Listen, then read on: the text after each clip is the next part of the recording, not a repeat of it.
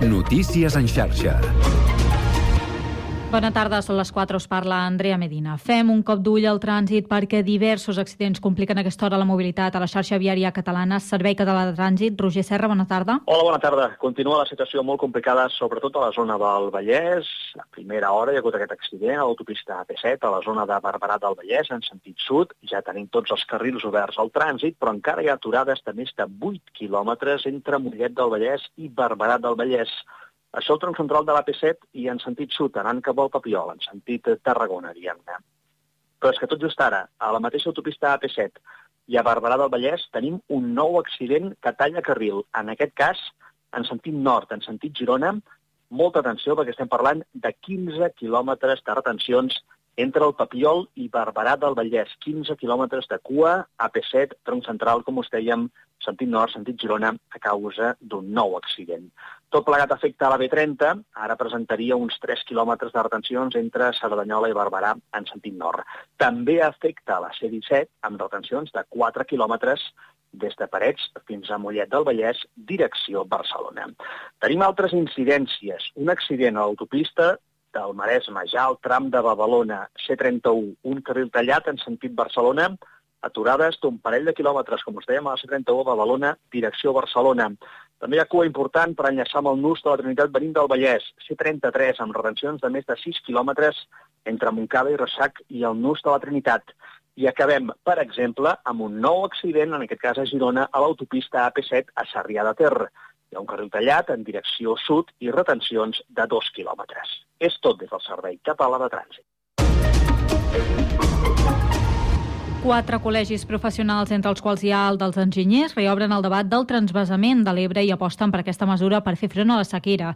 Mentrestant, la xarxa per la conservació de la natura insta el govern a no reduir els cabals ecològics i aplicar altres mesures per pal·liar la sequera. En un comunicat, l'entitat alerta que els cabals ecològics són essencials i prioritaris per la biodiversitat dels rius i les conques. I més qüestions. Un atac informàtic afecta els clients de l'aplicació Aparcar, que serveix per pagar les zones d'estacionament regulat de Reus, Tarragona, Barcelona, Salou, Cambrils, Vilaseca, Valls i Montblanc. L'atac es va detectar dissabte passat a dues empreses municipals de l'Ajuntament de Reus i ràpidament es va activar el protocol de seguretat per minimitzar l'aplicació al sistema. Tot i així, Reus Mobilitat, de qui depèn l'aplicació, ha informat que la intrusió podria haver provocat el robatori de dades personals als clients d'aquesta aplicació per mòbils. Fins aquí les notícies en xarxa. Notícies en xarxa.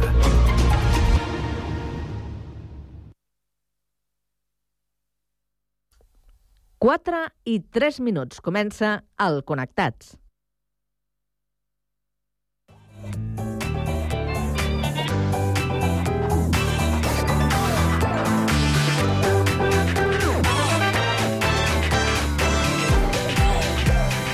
Connectats amb Carme Reversa.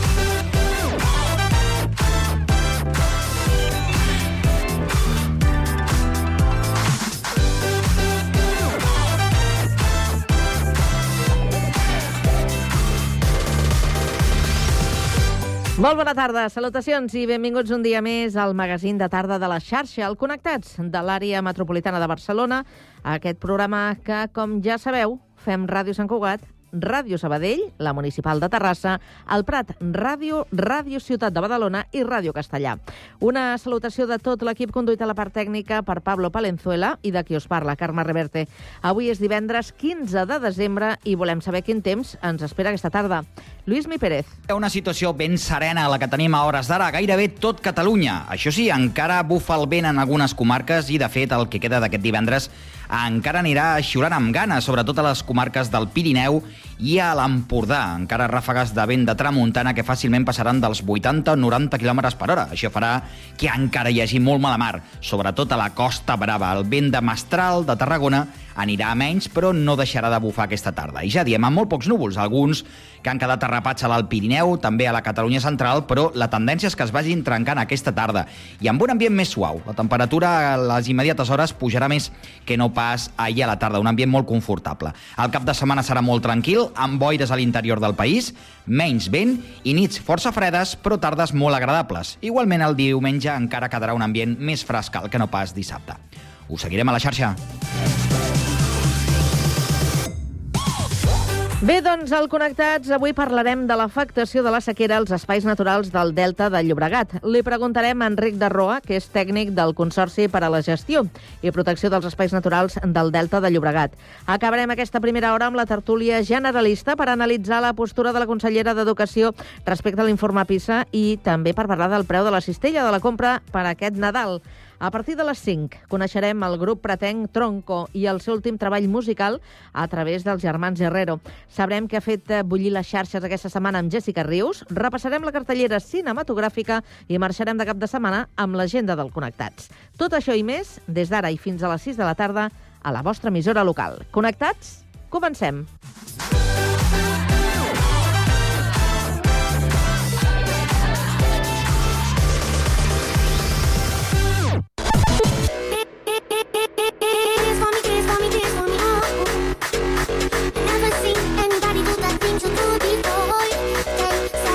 Connectats, una experiència radiofònica a Sabadell, Terrassa, Sant Cugat, El Prat, Castellà i Badalona.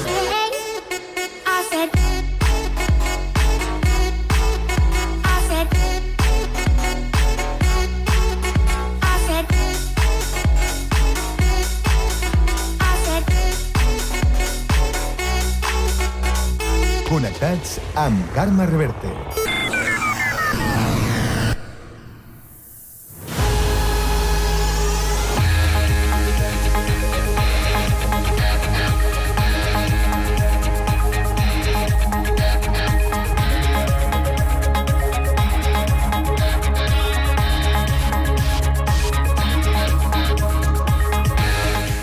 4 i 7 minuts ens actualitzem i ho fem uh, fent un repàs a l'actualitat de la jornada d'aquesta ronda informativa que avui obrim per Sabadell. Pau Duran, bona tarda. Bona tarda. Els pacients amb clamídia atesos al Parc Taulí han augmentat fins a un 75% en els últims anys, mentre que els de gonococ, és a dir, els que pateixen gonorrea, ho han fet en un 50%.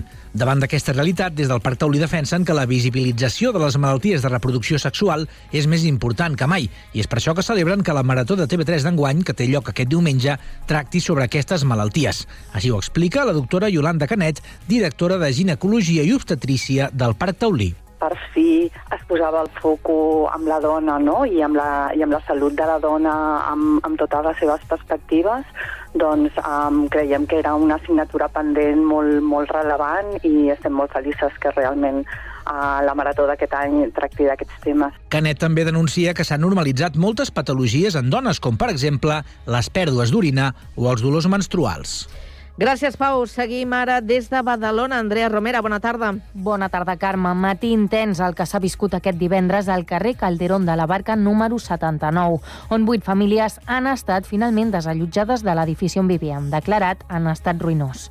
Un total de cinc unitats a dels Mossos d'Esquadra i agents de la Guàrdia Urbana de Badalona es desplaçaven fins al lloc dels fets abans de les 8 del matí. Durant tota la jornada s'han arribat a concentrar més d'un centenar de persones i s'han viscut alguns moments de tensió, com ara càrregues policials, quan alguns manifestants han llançat objectes contra la policia. Ja a les 11 del matí sortien els primers veïns amb bosses plenes amb els pocs objectes personals que han pogut recollir de casa seva. Alguns han hagut de ser atesos pel servei d'emergències mèdiques perquè han patit atacs d'ansietat. Un cop executat el desnonament, els veïns, acompanyats de les entitats, s'han adreçat fins als serveis socials de la ciutat, ubicats a l'edifici municipal del Viver. Allà se'ls oferiran tres nits al Centre d'Urgències i Emergències Socials de Barcelona Barcelona, però les entitats reclamen al govern una alternativa habitacional. Escoltem el secretari de la plataforma Sant Roc Som Badalona, Carles Segués. No són conscients les administracions del drama que representa tot això. I aquest cas d'avui és flagrant, perquè eh, si l'edifici està en males condicions, si fa mesos que se li ha requerit al propietari que faci una intervenció, no pot ser que la solució passi per fer fora les famílies i que es quedin sense alternativa quan aquí haurien d'haver-hi responsabilitats de la propietat, responsabilitats de l'administració. A partir de dilluns, el drama d'aquestes famílies s'agreuja, ja que se'ls acaba la seva estada al Cuesp i no tenen cap altra alternativa. Gràcies, Andrea. Seguim ara al litoral, al sud, al Prat de Llobregat. Rocío Santa Eufèmia, bona tarda. Bona tarda. Torna un clàssic nadalenc del Prat, el mercat d'intercanvi de joguines, que dissabte des de les 11 del matí se celebrarà a la plaça de Catalunya. Una iniciativa que té com a finalitat fomentar els valors de solidaritat, el consum responsable i sostenible. A més, també promou el treball cooperatiu entre famílies i infants a través de la cooperació de la comunitat educativa amb entitats i agents de diversos àmbits a través del joc i la joguina com a eina educativa. La tècnica d'educació Helena Gregorio explica com va sorgir aquesta iniciativa. El Mercat d'Intercanvi és una iniciativa que va sorgir eh, de la SAMPA i de la SAFA mm -hmm. eh, fa exa bueno, en l'any 2012 eh, va ser la, la pensada i que es gesta i s'inicia a cada centre educatiu però, també, però té una culminació compartida que és el dia del mercat d'intercanvi, que és el, el dissabte, dues setmanes després de que, quan comen, de que comença la recollida a les escoles de la ciutat. Tots els nens i nenes que vulguin participar en aquesta iniciativa solidària poden portar joguines o llibres usats i en bon ús o bé noves a l'estampa AFA del seu centre escolar. A canvi, rebran un val que els servirà el dia del mercat per escollir una nova joguina. Gràcies, Rocío. I ara tornem al Vallès, concretament a Castellà. Jaume Clapés, bona tarda. Bona tarda. Després d'anys d'absència de notícies, la possible arribada del tren a Castellà del Vallès es torna a posar sobre la taula. En aquesta ocasió, el govern, a través de Ferrocarrils de la Generalitat de Catalunya, acaba de licitar la redacció de l'anàlisi per avaluar la factibilitat del perllongament ferroviari de la línia S2 d'FGC. L'allargament seria des de l'estació de Sabadell Parc del Nord fins a Castellà del Vallès, segons ha comunicat el Departament de Territori. El document també considerarà alternatives de perllongament amb un sistema de tramvia i a partir de les solucions del projecte de busos que està impulsant el mateix Departament de Territori. També analitzarà amb detall el volum de gasos amb efecte d'hivernacle emesos o estalviats per l'execució de cada una de les alternatives. L'anàlisi, que haurà d'estar enllestit en 13 mesos, ha sortit a licitació per un import de 92.000 euros abans de l'IVA. Gràcies, Jaume. I des de Sant Cugat us expliquem que instituts de la ciutat alerten de la presència d'alumnes en un grup de WhatsApp on es comparteix pornografia infantil. L'Institut Escola Catalunya confirma que alguns dels seus alumnes hi han estat inclosos i els Mossos confirmen una denúncia de moment. Ens amplia aquesta informació Pau Vázquez. Segons el contingut del correu de les direccions, el grup s'hauria creat aquest dilluns i rebria el nom de Lo siento, pero tienes que añadir a todos tus contactos tot i que abans es deia un grupo muy random. Des de la direcció d'aquests centres, on hi hauria alumnes dins del grup, avisen les famílies perquè prenguin les mesures adients per tal d'evitar la presència de més menors. A banda, en alguns centres també s'ha optat per alertar directament els alumnes a través d'un comunicat intern. Tant la direcció com l'AFA de l'Institut Escola Catalunya han confirmat que alumnes de cicle superior i de secundària van ser afegits de manera involuntària en aquest xat.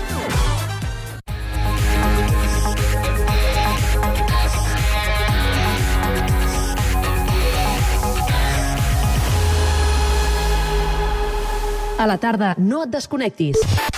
A la teva ràdio local, connectats. Can't touch this. You can't touch this.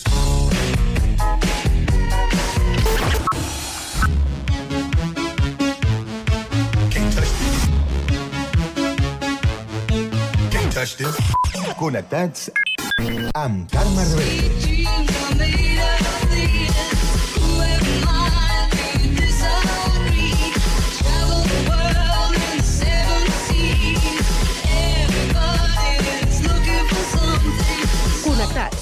Una experiència radiofònica a Sabadell, Terrassa, Sant Cugat, El Prat, Castellà i Badalona.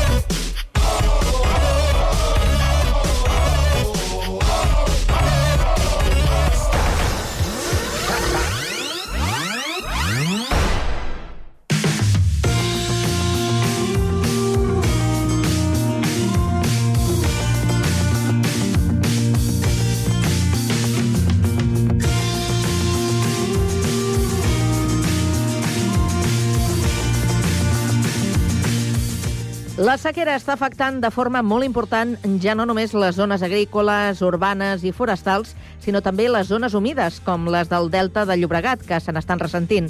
Marxem al Prat, als espais naturals de Caltet, on hi tenim ja a punt Víctor Asensio Garcia. Bona tarda. Bona tarda. Precisament uns espais naturals que han de gestionar també aquesta sequera per saber com ho fan i com afecta la manca d'aigua a les espècies naturals que habiten aquí al Delta. Parlem amb l'Enric de Roa, ell és tècnic del Consorci per a la Gestió i Protecció dels Espais Naturals del Delta del Llobregat. Bona tarda. Bona tarda.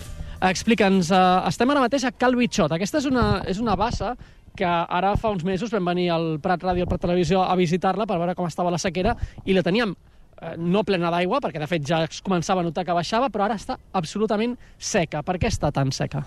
Bé, aquesta bassa es va començar a secar la primavera d'aquest any, diguem-ne, amb, amb, amb, amb la manca d'aigües i amb el decret de sequera, eh, doncs ja sabeu que la concessió del canal de la dreta, que deriva aigua del riu cap a la zona, diguem-ne, la, la xarxa de rec de, agrícola, es va reduir la concessió i, per tant, baixava molta menys aigua pel canal de la dreta. Aquí, a l'espai natural de Caltec, a l'Arana, aquesta gran zona humida que tenim aquí, doncs l'única aportació d'aigua que hi ha actualment, bueno, des de que es va, des de que es va construir, hi havia l'aigua de, regenerada de, de l'Edar, però des de fa uns anys aquesta aigua ja no, ja no s'aporta i només entra aigua de- d'excedent agrícola i de pluja. Per tant, com que no plovia aquesta primavera i l'aigua agrícola, el que és el canal de la dreta, es va reduir molt la- l'aportació, doncs vam tenir un dèficit hídric aquí durant la primavera molt gran. Això va provocar que aquesta bassa, que sempre veiem plena, no? que és la bassa de decantació, que li diem, quan arribava aigua regenerada de la depuradora, es mantenia aquí per decantar els sòlids i després passava cap als canxes de depuració. Doncs bé, aquesta bassa es va començar a secar perquè no li entrava aigua, per evaporació. Què vam veure? Doncs que eh, va- vam constatar la quantitat d'espècies exòtiques invasores que vivien aquí. Eh?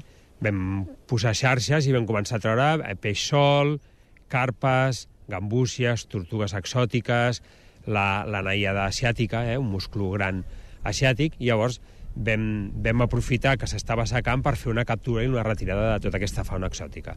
Aleshores, es va secar eh, i vam considerar que era bo, en aquell moment, per, a part de que havíem tret les espècies invasores, deixar que els fangs al fons s'oxidessin, és a dir, que estigui, quedessin al sol, com ara, i que eh, la matèria orgànica s'oxidés amb, amb el sol.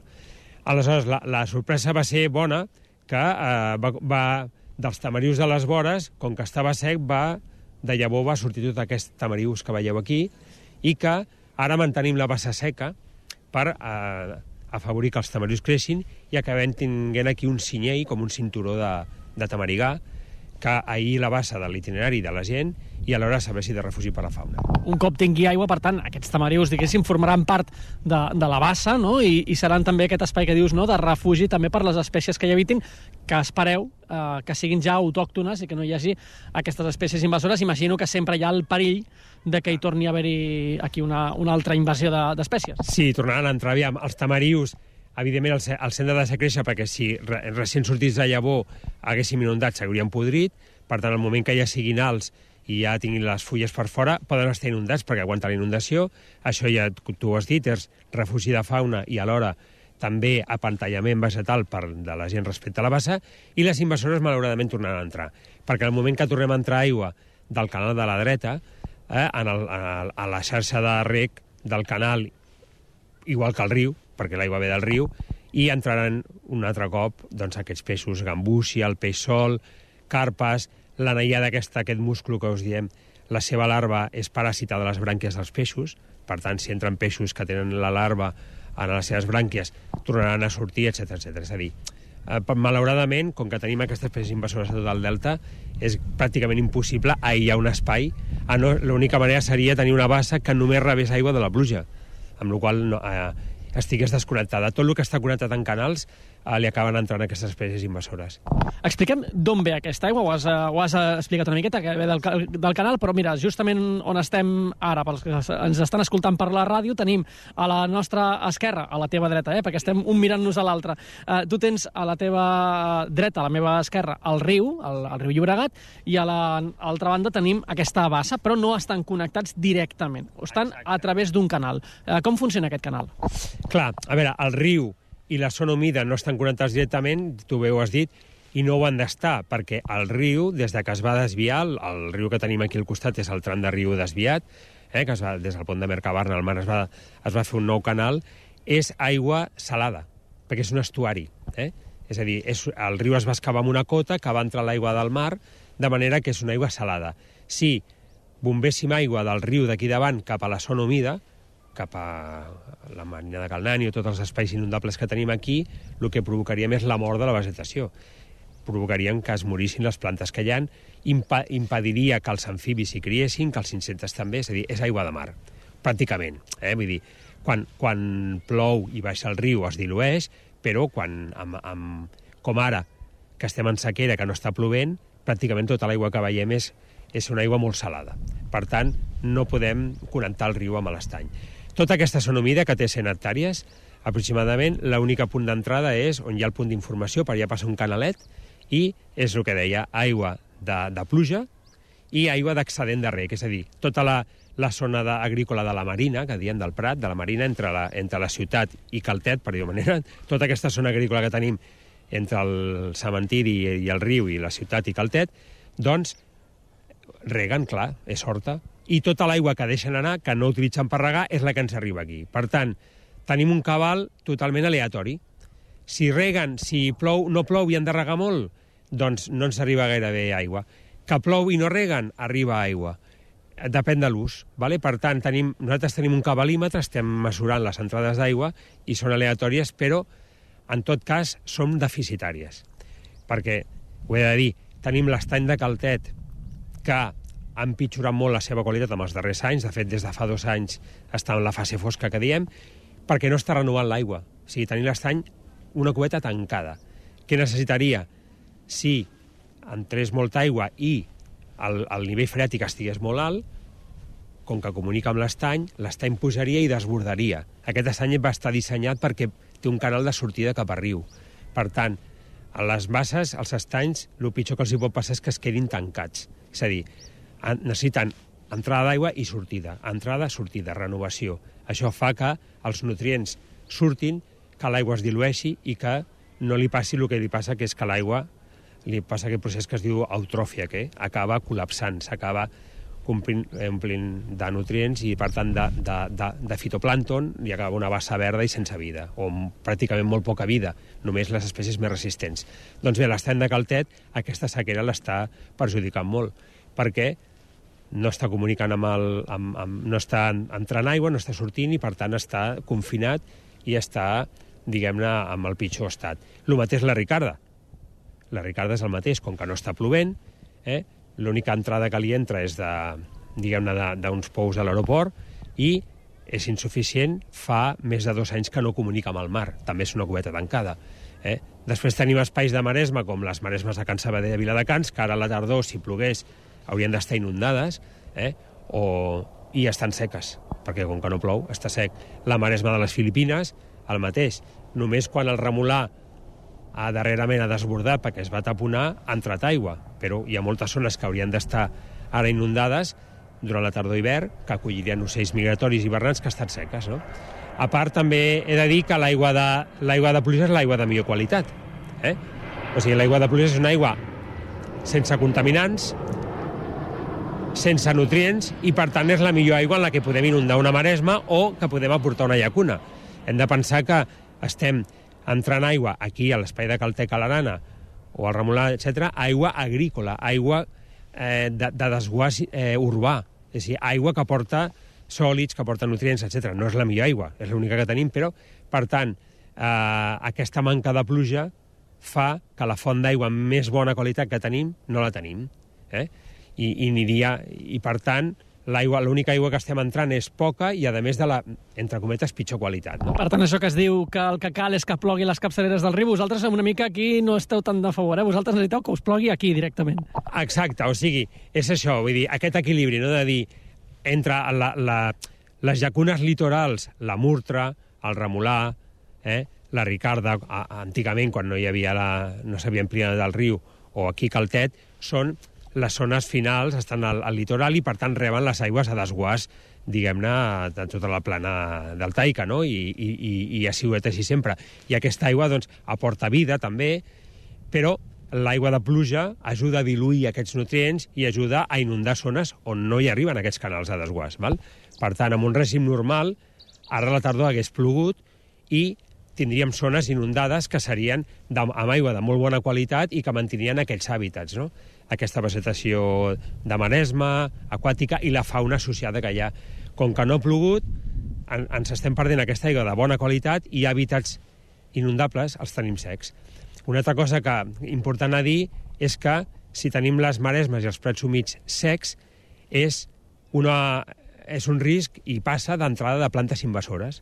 Eh? Hi ha una sèrie de plantes com la, la, el plomall de la pampa, la cortadèria o la canya o, o per exemple, l'Asteresquamatus o la Coniza sumatrensis, espècies exòtiques que, si està inundat, no poden arrelar, no poden germinar i, i, i no, no hi són. Però al moment que s'asseca, aquests i, i penetren i s'extenen un mogollon. Per tant, provoquen una alteració de l'hàbitat. Per tant, tenir les maresmes i els prats humits secs, perquè no ha plogut, provoca l'entrada d'espècies de plantes invasores. Eh? Vosaltres des, de, des del Consorci eh, no només treballeu aquí al Prat, de fet, sou, eh, el Consorci està format per diversos ajuntaments i, per tant, eh, controleu i gestioneu i protegiu, diguéssim, eh, el delta en tota la seva extensió. Eh, com està afectant aquesta sequera? Ja ens has explicat a les basses en concret, però ara parlem de les espècies que habiten al delta. Què està passant amb la biodiversitat que, que tenim al delta del Llobregat? Bé, aviam, ara mm, encara és una mica d'hora per, per, per saber-ho, però, per exemple, eh, podem dir la primavera passada, la primavera passada que va ser molt seca, no? com ja sabem, hi va haver, hi va haver restriccions d'entrada d'aigua. Per exemple, aquí, aquí a l'espai de Caltet, la marina de Calnani i la maresma de Caltet, que són dos espais que de, doncs, de nidificació molt important per limícoles, no? tenim els cames llargues que, que, que nidifiquen, doncs vam tenir moltes menys parelles nidificants, perquè, clar, ells necessiten una làmina d'aigua permanent i que els hi dona la seguretat de fer el niu. Perquè, primera, perquè l'aigua eh, evita l'entrada de predadors. I segona, perquè quan neixin els polls tindran on clavar el bec i menjar. Vam tenir una entrada d'aigua molt tardana, en el moment que es va enviar aigua regenerada cap al canal de la dreta va augmentar el cabal, però vam tenir els primers mesos que no hi havia aigua, per tant estava sec, i després un nivell molt oscil·latori, molt, que a vegades entrava aigua, a vegades no. Llavors estava més o menys inundat. Això va, va, és molt negatiu per la fauna. No? Per tant, què vam notar aquí d'efecte? Menys nidificació, respecte als anys anteriors, com ho anem registrant cada any, podem veure l'impacte, no? I en el cas de la, de la maresma del Remula, per exemple, el mateix, no? Com que aquella maresma sobretot s'omple amb aigua de pluja, doncs també molta menys superfície inundada, menys, menys nius, no? I ja et dic, eh, bueno, això, això és una causa directa i, a més, quan tenim els números es veu claríssimament. Després, el que et dic, eh, un altre efecte que hem de veure al llarg temps és aquest confinament, o sigui, aquesta menor renovació de l'aigua, eh, de l'estany de Caltet, de la Ricarda, que, que, que provoca en l'ecosistema que viu dins de, dins de la llacuna. No? O sigui, aquesta eutròfia si encara va a, a més. Això ho hem de veure una mica, amb una mica més de perspectiva. I ara, deixem que faci una pregunta, potser la més difícil de, de contestar, eh? però veient que aquesta és la sequera més llarga dels últims temps, la més eh, dura dels últims temps, eh, potser la ciutadania no ho està notant per eh, doncs, algunes infraestructures, eh? com dèiem, com l'edat, per exemple, eh, però que ho acabarà notant, això el, el govern ja ens ho ha avisat. Eh, la meva pregunta és als espais naturals, que no eh, tenen aquesta sort, diguéssim, de, de tenir la, la depuradora per ells, Uh, què passarà amb ells d'aquí a un temps? Fins quan pot aguantar una sequera aquests espais naturals? Aviam, clar, el problema és aquest, no? que l'aigua regenerada la vol tothom i es vol per tots els usos, i és normal, no? Llavors ja... Clar, el problema és d'escales, no? És a dir, eh, l'aigua d'ús a boca i, i, i urbana eh, té la prioritat i, i l'aigua agrícola i l'aigua per, per les zones naturals doncs està a la cua, no? Aviam, nosaltres eh, el que estem reivindicant des de fa molt temps i, i, i treballant amb l'ACA és una sèrie de projectes perquè, diguem-ne, totes les zones humides de, del deteriorament no hi ha cap que compleixi amb, amb la directiva Mar de l'Aigua, que tingui un bon estat ecològic. D'acord. Això, bàsicament, és perquè falta una aigua en quantitat i qualitat necessària. O sigui, hi ha dèficit hídric, però, a més, també de qualitat. Eh? S'ha de dir, també de qualitat. Vale.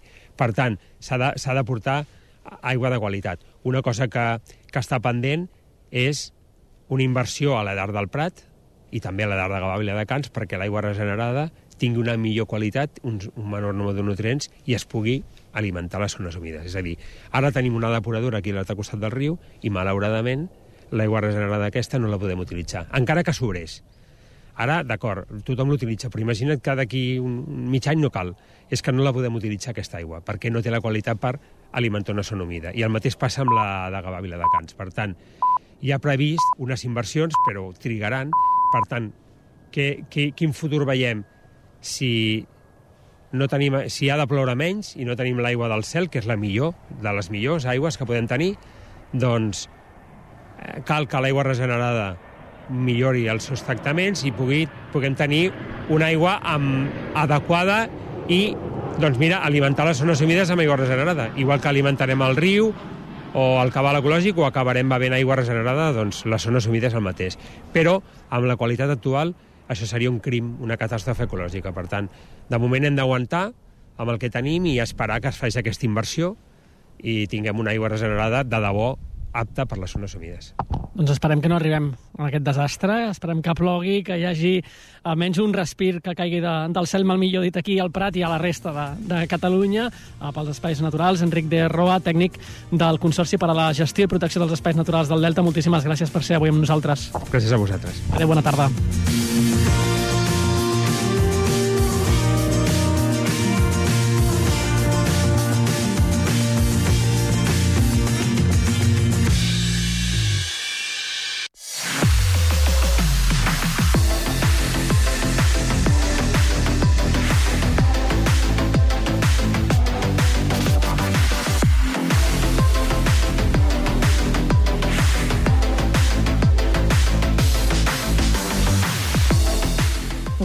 Minuts, els que passen ja de dos quarts de cinc de la tarda i ara toca a Tertúlia. És el moment per compartir opinions en aquest espai que avui compartirem amb l'Alistair Sperring, que és traductor científic, i el tenim a Sabadell. Alistair, què tal? Bona tarda. Hola, com esteu? Molt bé, molt bé. Mira, ara parlàvem de pluja, perquè com que estàvem eh, també pendents de- de- d'aquesta situació que viu el delta de, del Llobregat i miràvem per la finestra a veure si, si plovia, però no hi ha manera que plogui. Bé, bé, estem esperant eh, doncs el que espera tothom per aquesta època, les vacances de, de Nadal, la celebració, no? Ara en parlarem també, d'aquí no res. Deixa'm que continuarem saludant el Joan Ribas, que és membre de la cooperativa agrícola de, del Prat. Joan, bona tarda. Hola, bona tarda. Què tal pel Prat? Bueno, mira, aquí estem mirant el, el com passen els dies, amb aquest sol i el cel totalment net, Sí. i, i per les notícies que tens per dies en tenim, no? Bueno, Sembla, sembla que sí. Això, això no podem moure nosaltres, o sigui que estoy, A- Allò, allò que deien les Nadales de, la- de, de, de la Blanca Navidad, de, de les nevades, aquestes postals tan típiques de, de l'època, em sembla que les haurem d'imaginar a partir, a partir d'ara. Eh, saludem també la Roser Fernández, que és membre de la Junta de l'Aula d'Extensió Universitària de, de Sant Cugat. Roser, bona tarda. Bona tarda. Parlàvem precisament de la pluja, no? I Sí. sembla que estem a tot arreu igual. Estem a tot arreu igual. Jo crec que ja quasi és millor no parlar-ne i esperar aviam si es produeix un miracle, Un miracle. no? I ens plou d'una vegada. Gairebé. Ara que miracles també necessitem en molts àmbits, Sí, eh? No seria, no seria l'únic. Avui parlem d'un tema que ha estat, eh, doncs, de... continua, de fet, eh? d'actualitat, però que ha estat tema de conversa reiterat els últims dies a propòsit dels resultats de l'últim informe PISA i de les reaccions que s'han anat eh, produint d'una banda la del propi govern. Eh, com sabeu, el president aragonès ha, ha proposat un pacte de país per eh, tirar endavant el, el tema de, de l'educació, però també tenim doncs, qui s'encarrega precisament de- de- d'aquest tema, la consellera de- d'Educació, que mm, eh, va respondre a les eh, famílies a través d'una carta on eh, destacava, doncs, eh, demanava comprensió pel, per l'esforç que fa el professorat, però també reclamava a les eh, famílies que els hi facin costat, que confiïn en el model educatiu, Vaja, que tot això ha estat molt, molt comentat. Jo no sé d'entrada a, a vosaltres què us ha semblat que la consellera pogués adreçar-se a les famílies i fes aquesta, aquesta petició. Jo, jo aquesta carta, mm, aviam, trobo molt bé que l'hagi feta, però penso que li falta una mica d'humilitat respecte a, a lo que és la, la seva conselleria. És evident que hi ha un problema d'immigració tremendo, però també el tenen a molts països d'Europa, vull dir, això no és l'única causa, sí, sí que el tenim, però mm, jo crec que també hi ha coses que no han estat del tot ben fetes o, o ben programades. Tenim una falta de recursos tremendos, que penso que això és el mal, el mal de tots els mals, perquè sense recursos no, no hi pot haver po- prous professionals per afrontar aquest problema que diu que hi ha de la immigració, perquè lògicament amb poques persones eh, no es poden dedicar expressament a un col·lectiu petit, Eh, després hi ha uns canvis de lleis eh, constants i canvis de metodologia que no s'han pogut assumir, i no s'han pogut assolir, no, no, no, a vegades no hi ha ni els resultats de lo que ha pogut ser, perquè no ha donat temps a cabals que ja n'ha sortit un altre, amb la qual és clar, això també arriba a un punt que totes aquestes coses van sumant i, i, i- i es troben. Penso que potser s'ha de fer una reflexió també en aquest sentit. No, no tot és només el problema d'immigració, que la resta d'Europa també el té i estan per davant de nosaltres amb, amb els resultats. Penso que hi ha alguna més, ha alguna més important. Mm -hmm. Vinga, més opinions. Alistar. Eh, Sí, um, espero que em perdoni la meva dona per dir-ho, però la seva reacció que va ser en, en rebre la carta que vam rebre els pares sí. uh, va ser enviar-me-la per WhatsApp i va ser amb dues paraules, quins nassos. Oh. I és que, efectivament, per molt que, per molt que la davallada i l'empitjorament dels resultats d'educació sigui, evidentment, un, una cosa multifactorial i que escapa a les solucions simplistes, eh, li falta, efectivament, jo crec, una mica d'autocrítica, una mica d'humilitat, com sí. comentàveu ara, i uh, de no, que, que no, en mol, molts pares, tant nosaltres com altres amb qui ho hem comentat, ens hem quedat amb la sensació que ens volien com passar la patata calenta Sí, exacte. i enganxar-nos la llufa, no? Sí. Um, el, el tema de la immigració ha sortit molt, però el, el, també això trobo que és intentar enganxar la llufa perquè quan uh, mires els resultats ajustats per immigració, la davallada continua sent gairebé igual de notable. Per la meva banda, eh, com a pare de dos nens, jo tinc la màxima confiança en els professors perquè al llarg dels cursos que han anat passant uh, n'he quedat molt content i jo crec que hi ha la falta de recursos, que és evident, però també potser um, el, el, el problema rau més en la metodologia, els sistemes. No ajuda que a nivell estatal cada dos per tres hi hagi una nova llei d'educació, però tampoc um, s'ha aplicat del tot bé els els canvis que hi ha hagut en els últims anys en el model educatiu. Han entrat massa les pantalles a l'escola, trobo jo, Mm. Um, també s'han volgut incorporar metodologies i sistemes que en altres països han tingut molt èxit, però que aquí s'han transplantat uh, sense el seu context, perquè evidentment les metodologies i els sistemes educatius uh, són fruit d'un context i funcionen en un context.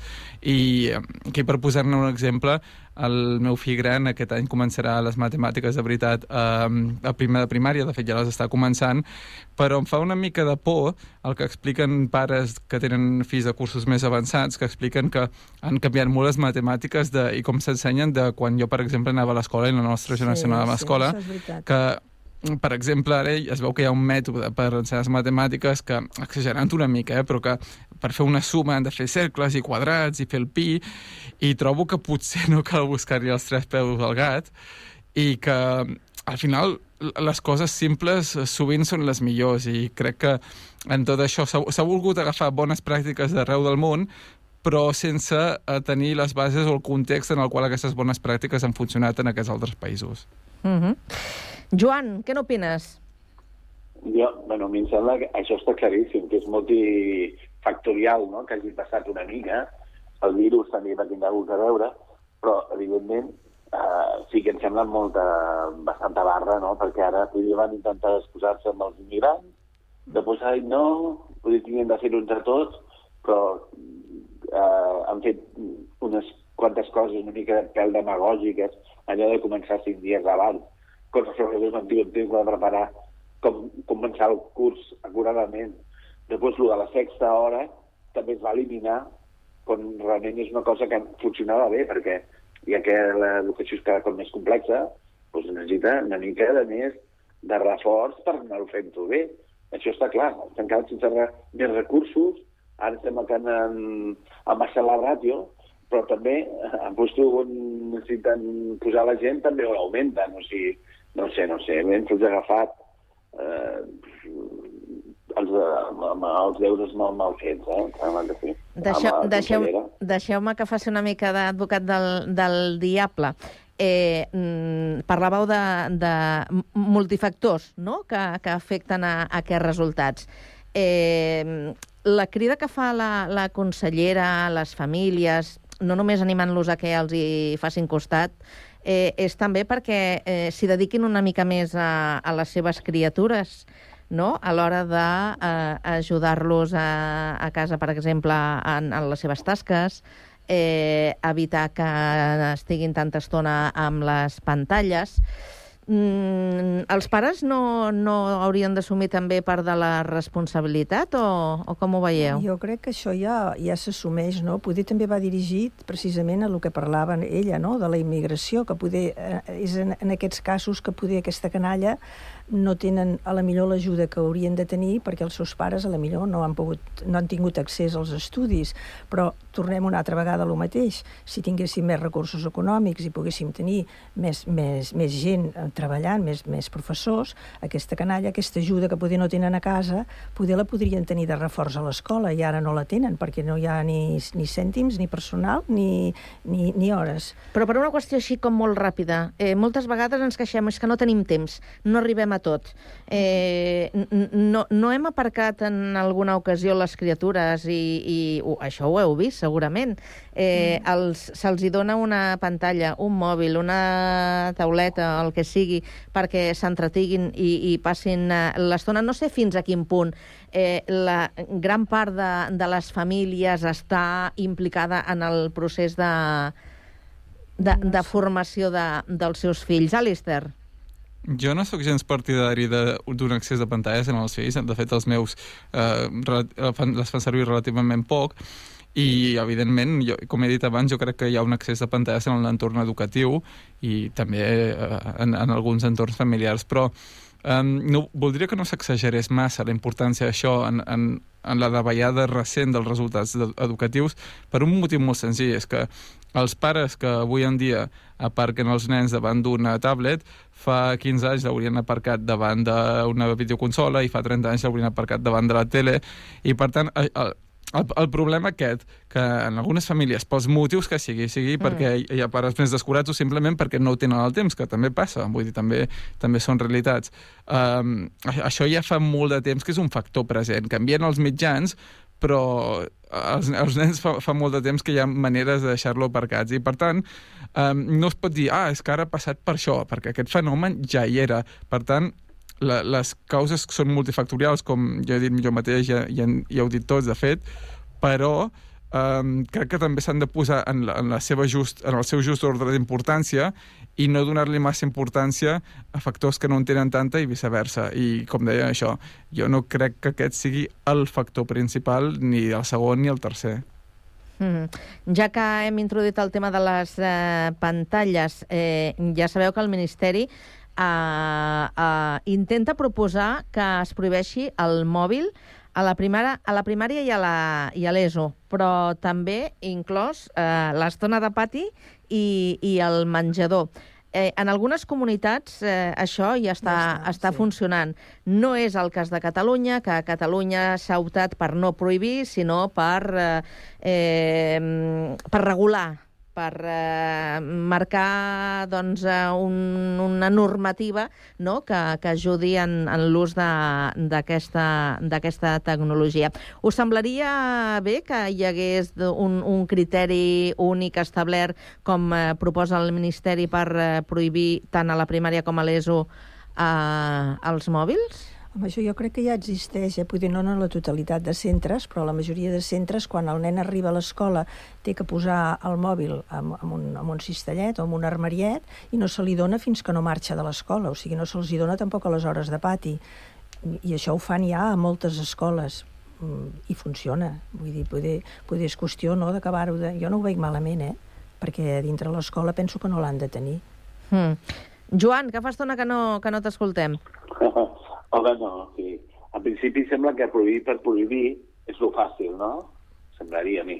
Però bueno, no crec que sigui dolent precisament perquè, eh, evidentment, les pantalles és, és una cosa que els, els enganxa molt, no?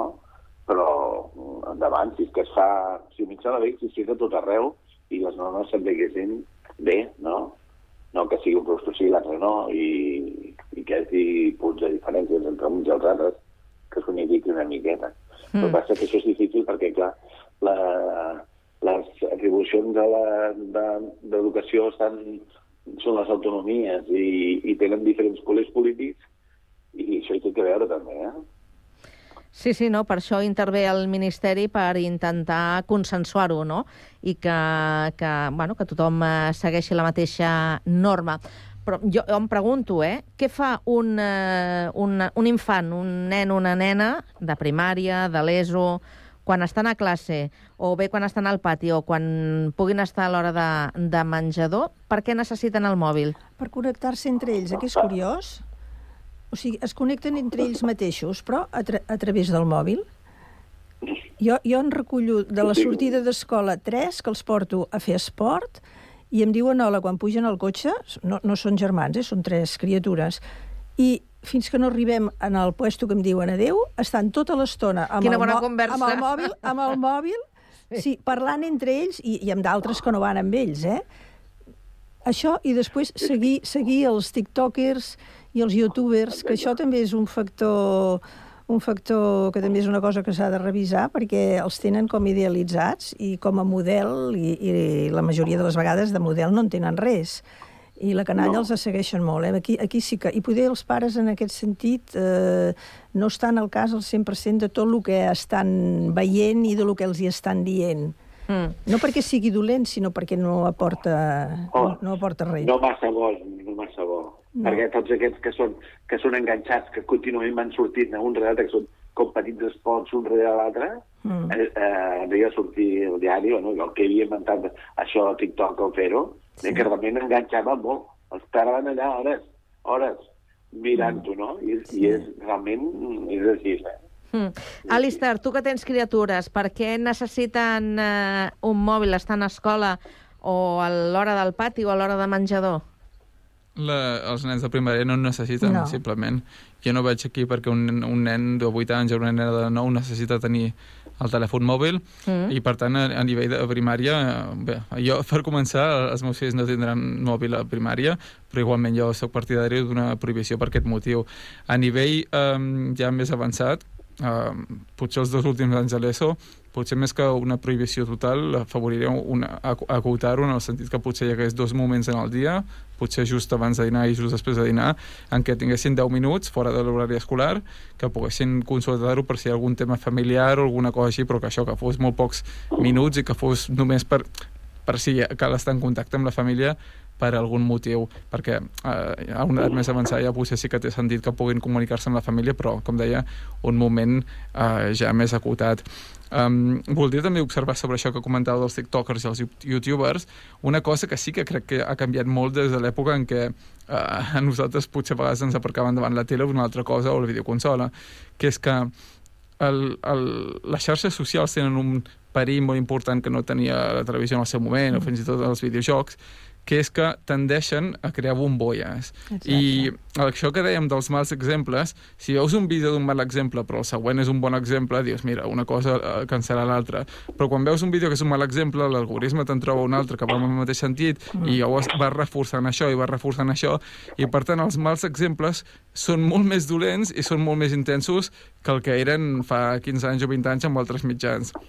I això enca- em reforça més en la meva convicció que els nens petits, que són els que encara no han tingut l'oportunitat de desenvolupar més el seu criteri de destriar informació útil i menys útil, etc, eh, tinguin mòbil, que jo tinc clar que no n'haurien de tenir. Això és més aviat a partir de 12-14 anys, que els nens comencen a anar i venir sols de l'escola, que els pares d'alguna manera amb un mòbil poden saber a on són, si han arribat a casa, el que estan fent, però és clar això porta com a conseqüència tot, tot el de més, no? encara que tinguin limitades, perquè eh, en molts casos tenen limitades les hores de poder-hi accedir, però bueno, sempre hi ha unes estones que se'ls ha de deixar i llavors és allà on recauen amb això que deies tu. Però mentre estan a classe o a l'hora del No. pati... O sigui, en el recinte, en el centre escolar, escolar... els han de deixar a l'entrada i els recullen a la sortida, allà, res de res. Bueno, Mhm. no tot arreu, però la majoria. De fet, de moment, passi el que passi, eh, a Catalunya, el curs vinent, haurien de tenir tots una, una normativa per a l'ús de, del, del telèfon mòbil, que ara mm, no supera el 50%, però no tots els centres eh, ho tenen. Canviem de, de tema i parlem d'una altra qüestió que també ens toca molt de prop, sobretot aquests dies, que és la cistella de la compra per aquest eh, Nadal. Ja sabem que tot el tema d'alimentació s'ha encarit eh, moltíssim els últims temps i que amb el tema de la sequera, precisament, hi ha una sèrie de productes que, que queden bastant afectats, eh, són més escassos i, per tant, eh, augmenta el seu preu. Jo no sé si, si vosaltres sou molt de seguir les tradicions, és a dir, si en aquesta època de l'any, per exemple, sou de, de, de fer els àpats que, que corresponen, cadascú segons la tradició que, que segueixi, i s'inverteix una mica més en, en, en, aquesta, en aquesta compra. Joan, vinga, tu que, que estàs a, a, a la cooperativa, per exemple, ens, Sí. ens podràs orientar Sí. una mica més. Vinga. Bueno, realment, realment això de la sequera eh, doncs, hi té molt que veure. Hi té molt a veure perquè eh, ni es pot regar el que s'hauria de regar, ni la qualitat és la que s'hauria de tindre, ni... Per exemple, el que fem la catxofa és que hi ha, es rega amb, amb això, amb aigua de, de depuradora, on ha pujat molt la, la sal- salinitat, és el doble del normal. Eh, La catxofa encara és una planta que, que aguanta, però que perjudica per classes de conreus, no? I després, a més a més, eh, porta més potassa del normal, doncs tens de fer equilibris una miqueta. Això fa que la producció no sigui la que és. Però com eh, aquestes coses no són només locals, sinó que hi ha sequera, i no només a Espanya, que és a Sí, molts sí, llocs. l'impacte és generalitzat. és generalitzat aquest any que ha sigut tan boig, eh, no sé si heu enterat lo del suc de taronja, que a més a més de que la sequera mundial ha, ha fet malbé moltes, molts tronjers, i això hi ha una mena de, de virus que a les, a, per exemple, a Brasil i als Estats Units, que on la collita, si era de 200 milions de caixes, en seran 70. I, ha, i el futur del suc de taronja Mm. val el doble del, del que valia al principi de l'any. No. O sigui, que hi té molt a veure les condicions, però no només les locals, sinó les mundials, no? I doncs hi ha moltes coses, perquè ara el raïm, per exemple, veieu que en ve de- d'aquest sense llavor, Sí. que corre pel mercat, aquest és de, de Perú, i de Xile, i de Sud-àfrica. Hasta de la Índia en ve, d'aquest, el sense, sense llavors, no? Sense llavors i, I- sense i gust. No, a vegades és... Al, Bueno, no. alguns, alguns no tenen ni gust. Però, Sí, però, no, però vaja. Són però, exacte, la, com no n'hi ha, si no n'hi ha, en comprem. I, I doncs el que passa, que, que ara ja no és una cosa local, sinó que és global. Mm. Els pagesos cada cop es troben en això de que, per exemple, jo parlo dels pagesos, però altres coses també passa el mateix, eh? Però jo en el cas, en el cas teu, en el cas dels, dels pagesos, per exemple, ho trobo, ho trobo justificat, o sigui, ve, veig el motiu i, i ho entenc, però és que a nivell de, de la cistella de la compra tu vas a un supermercat i no compres, per exemple, res que sigui eh, Fresc. Ni, ni fresc, ni de camp, ni de res, i se t'ha més que duplicat eh, el total de, de lo que compraves abans les mateixes coses, i això ja no té res que veure ni amb el camp, ni amb la sequera, ni amb res de tot No, això. no. Ara, tornant a, a lo que dèieu de Nadal, Hmm. de, dels preus de Nadal, i, mm, aviam, no ho trobo bé, que tot s'apugi, però en definitiva, vull dir, no estàs obligat a, a comprar segons què per Nadal. Tu pots fer un Nadal perfectament la mar de bo amb, amb uns productes que precisament no són aquests productes que van tan cars a l'hora de Nadal.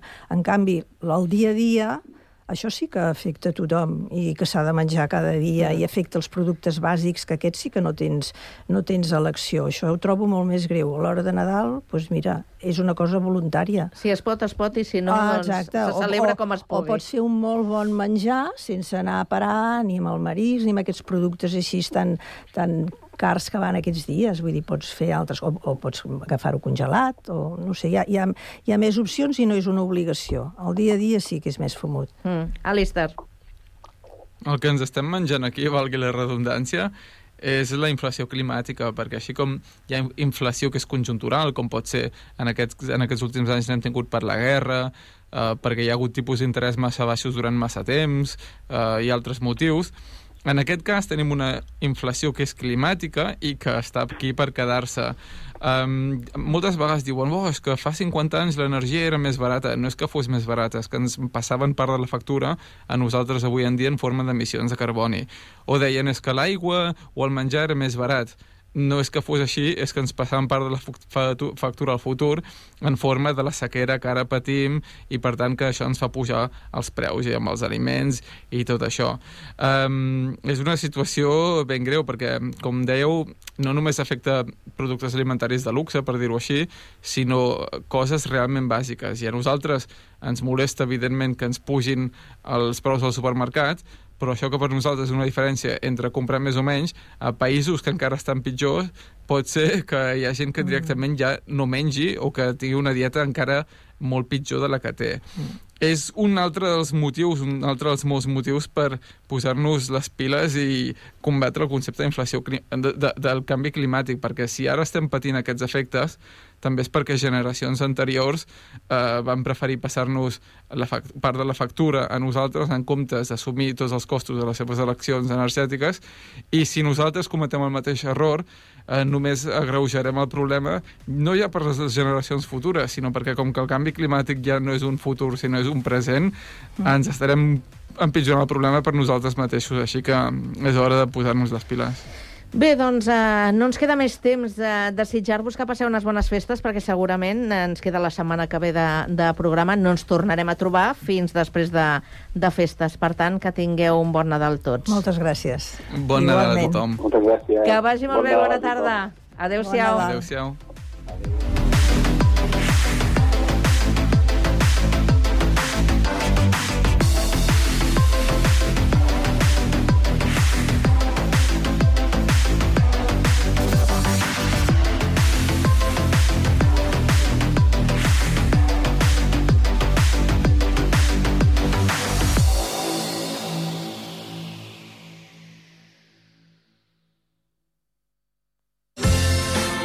Tens Sant Cugat a la butxaca? La targeta de punts de més de 80 botigues de Sant Cugat. Si no és així, sol·licita-la a les botigues adherides i aconsegueix un munt d'avantatges. Descomptes, obsequis, promocions especials, barrets de la nit en blanc i... No ens podem allargar tant. Consulta www.santcugatalabutxaca.cat. Ara també utilitza la teva targeta al Mercat de Torreblanca. No és el mateix ser els integrants del millor grup de la història que ser el millor grup de la història. Per això, el grup català Occident serem Occident, perquè per continuar assegurant-ho tot, tot i tot, ens havíem d'ajuntar tots, tots i tots. Entra a seremoccident.cat.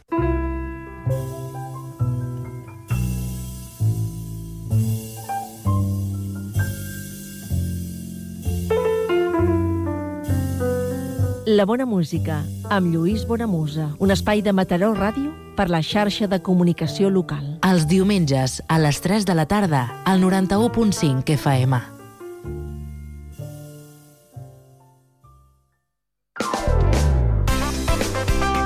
Ràdio Sant Cugat, Cugat Mèdia, www.cugat.cat.